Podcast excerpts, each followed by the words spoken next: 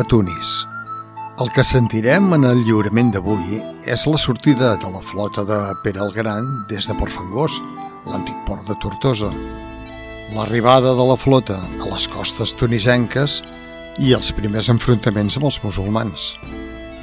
De fet, però, ja comencem a veure incidents fins i tot abans d'arribar-hi. Però més val que no avancem esdeveniments, perquè això ho podrem sentir de seguida. El que potser sí que necessita un petit comentari seria, per una banda, l'ambaixada del noble Guillem de Castellnou a Roma per entrevistar-se amb el papa. I, per l'altra, l'arribada dels ambaixadors sicilians al campament de Pere el Gran, a Tunísia, per demanar-li que les seves tropes es traslladin de seguida a Sicília per donar suport a la rebel·lió que acaba d'esclatar. Són dues ambaixades amb propòsits ben diferents, però que al final acaben convergint. És així, Josep Antoni? En efecte, eh, així és. Eh, per una banda, eh, Montaner narra l'ambaixada del papa Martí IV del missatger de Pere el Gran, Guillem de Castellnou. I en aquesta ambaixada, Castellnou li explica al pontífex que el rei d'Aragó està eh, decidit eh, a conquerir i convertir el cristianisme tota la berberia que per cert és el nom que a les fonts medievals es donava al litoral nord-africà des del Marroc fins a Tunísia. Però per altra banda, mentre tot això passa a Roma, arriba al campament de Pere el Gran al Coll, eh, al nord d'Àfrica, eh, el vaixell dels eh, emissaris sicilians, que li demanen ajuda contra la tirania de, de Carles d'Anjou i eh, li ofereixen la corona del regne de Sicília. Eh, la qüestió és que en narrar aquestes dues ambaixades de la manera com ho fa, una darrere l'altra, Montaner està preparant el, el terreny eh, per explicar el desenllaç dels fets i justificar l'actuació de Pere el Gran. Eh, és a dir, com que a la fi el papa dirà no al projecte de Croada exposat per l'ambaixador Castellnou, al, al rei eh, Pere, sense recursos necessaris per, per continuar l'empresa, no li quedarà més remei que acceptar l'oferiment dels rebels sicilians i eh, convertir-se en el nou rei de l'illa, que és un títol que a més li correspon per dret.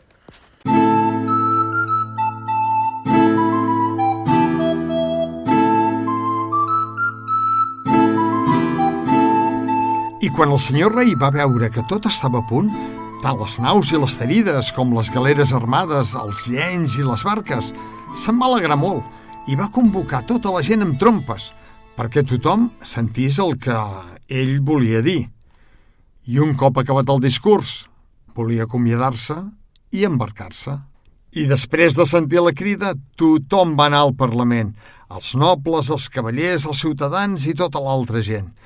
I quan tots van estar reunits, el senyor rei va pujar en un cadafal de fusta molt alt, que havia fet construir de tal manera perquè tothom el pogués veure i sentir. I un cop a dalt, podeu estar segurs que el van escoltar amb atenció. I el senyor rei es va disposar a fer el discurs i va adreçar molt bones paraules, tant els que se n'havien d'anar com els que s'havien de quedar.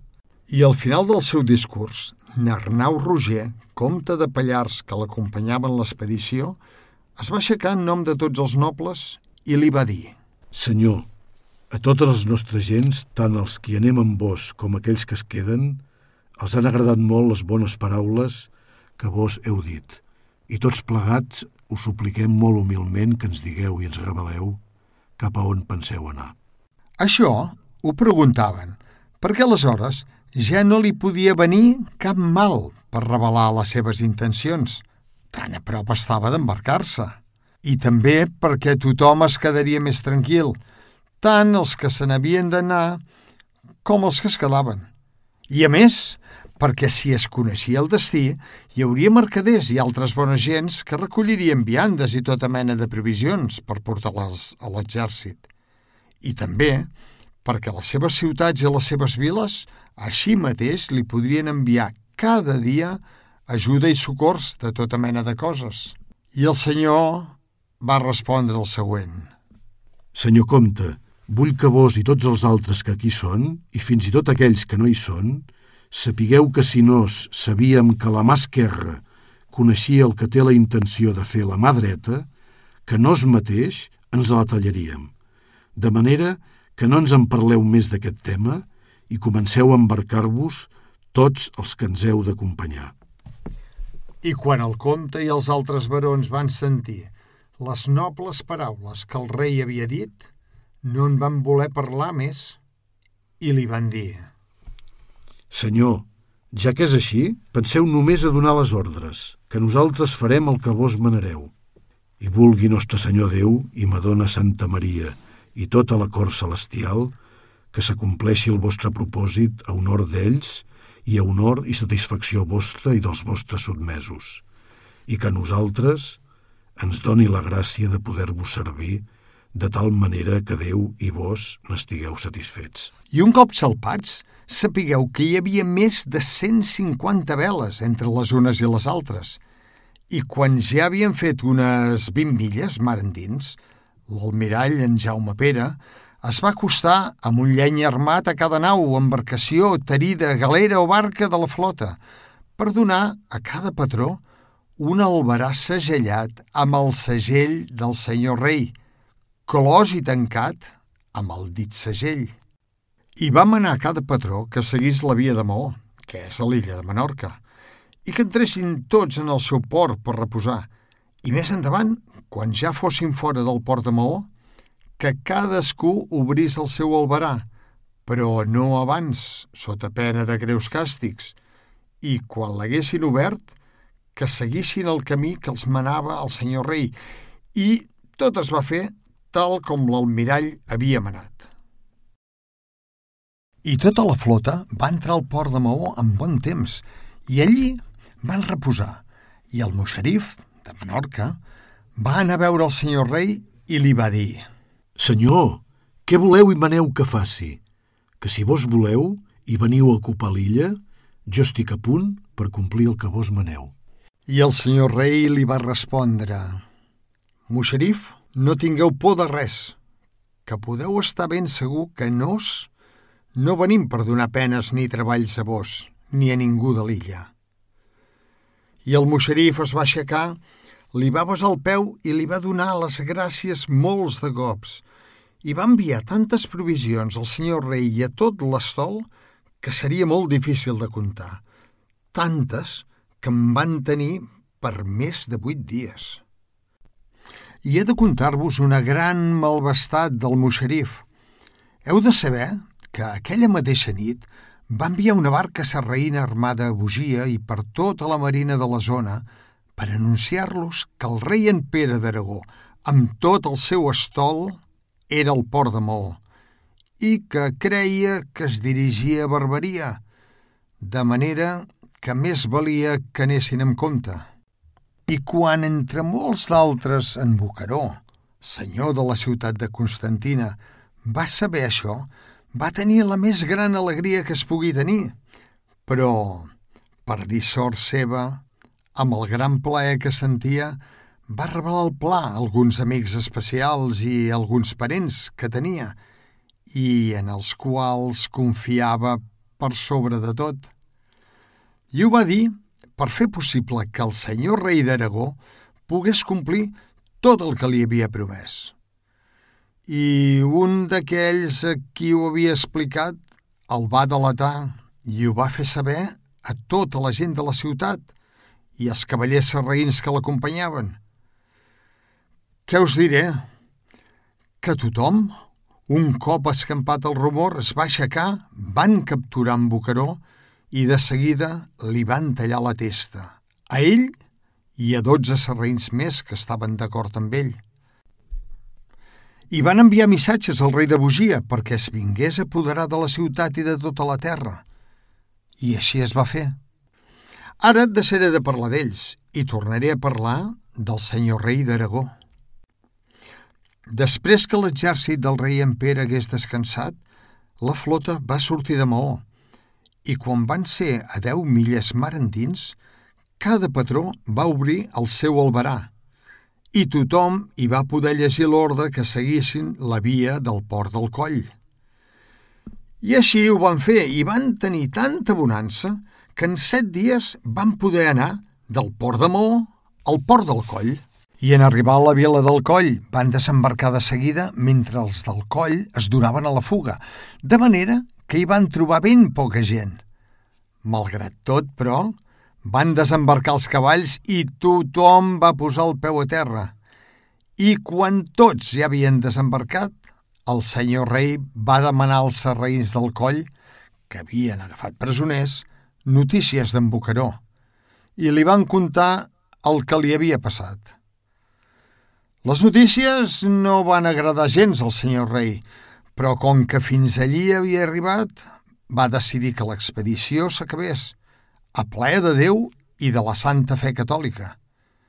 I de seguida vam anar a fer un mur de pals per rodejar tota la vila i tot l'exèrcit.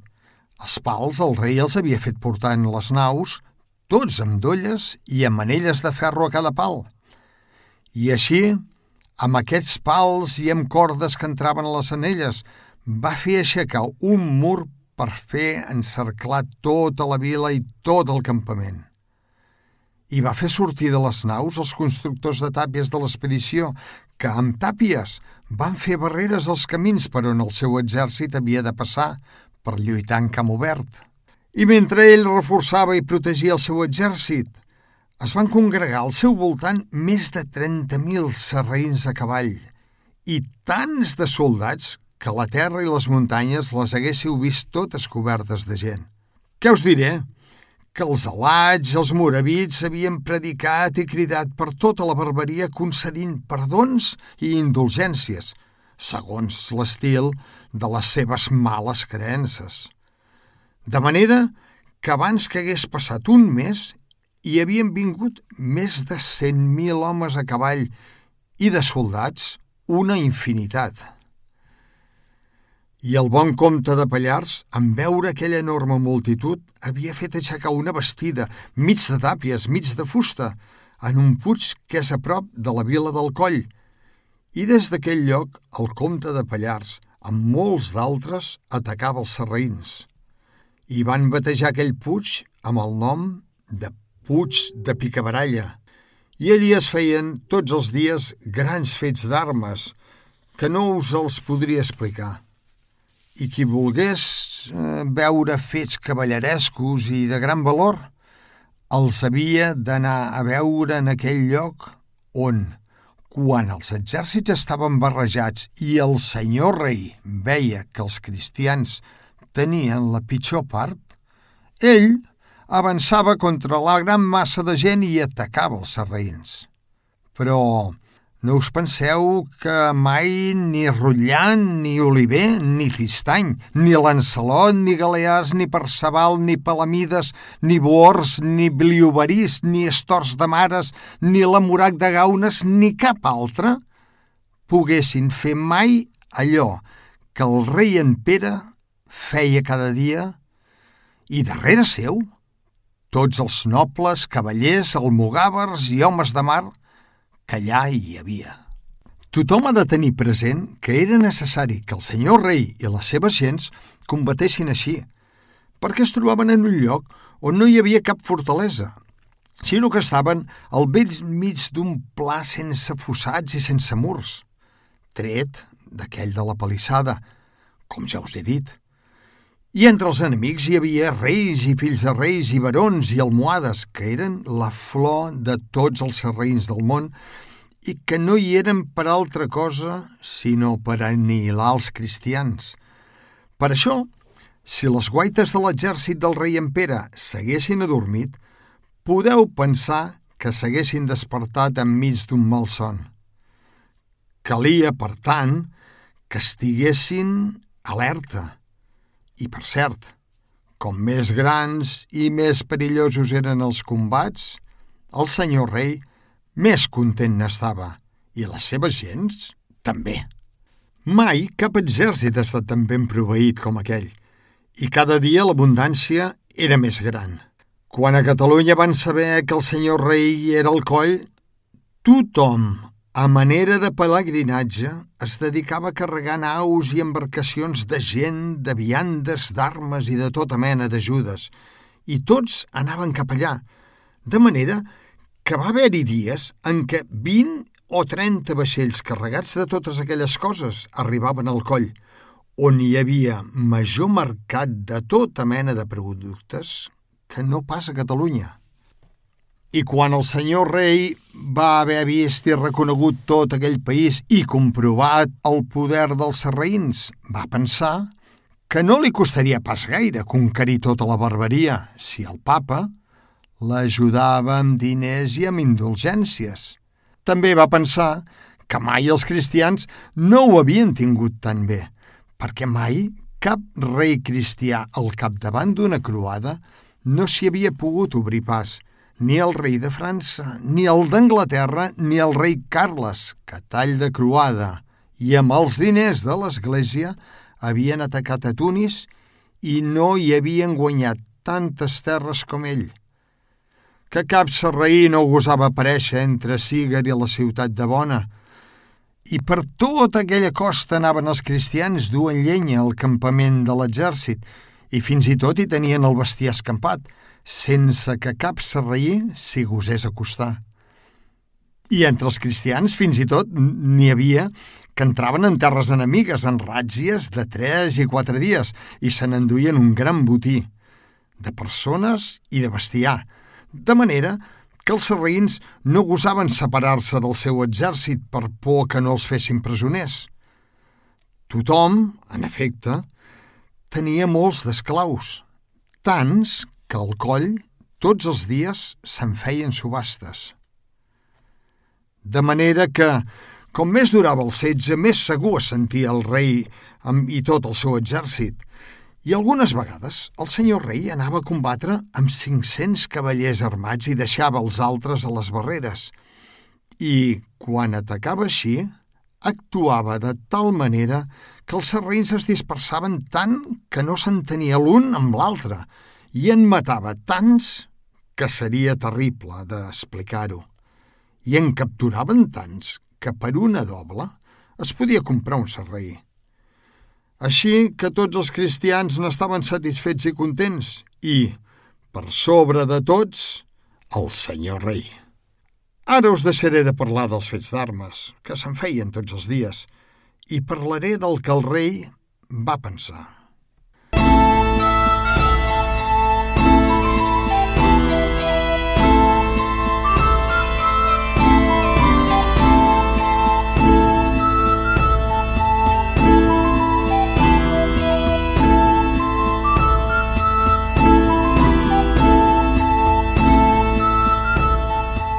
La gravació que acabeu d'escoltar s'ha enregistrat al Laboratori de Fonètica de la Facultat de Lletres i a l'Estudi de Ràdio de la Facultat de Turisme de la Universitat de Girona. La lectura és a càrrec d'Albert Martínez, amb la col·laboració de Mercè Mas. David Fernández s'ha encarregat de la taula de so i Glòria Ribugent del muntatge. La traducció del text al català modern és de Xavier Renedo i Josep Antoni Aguilar.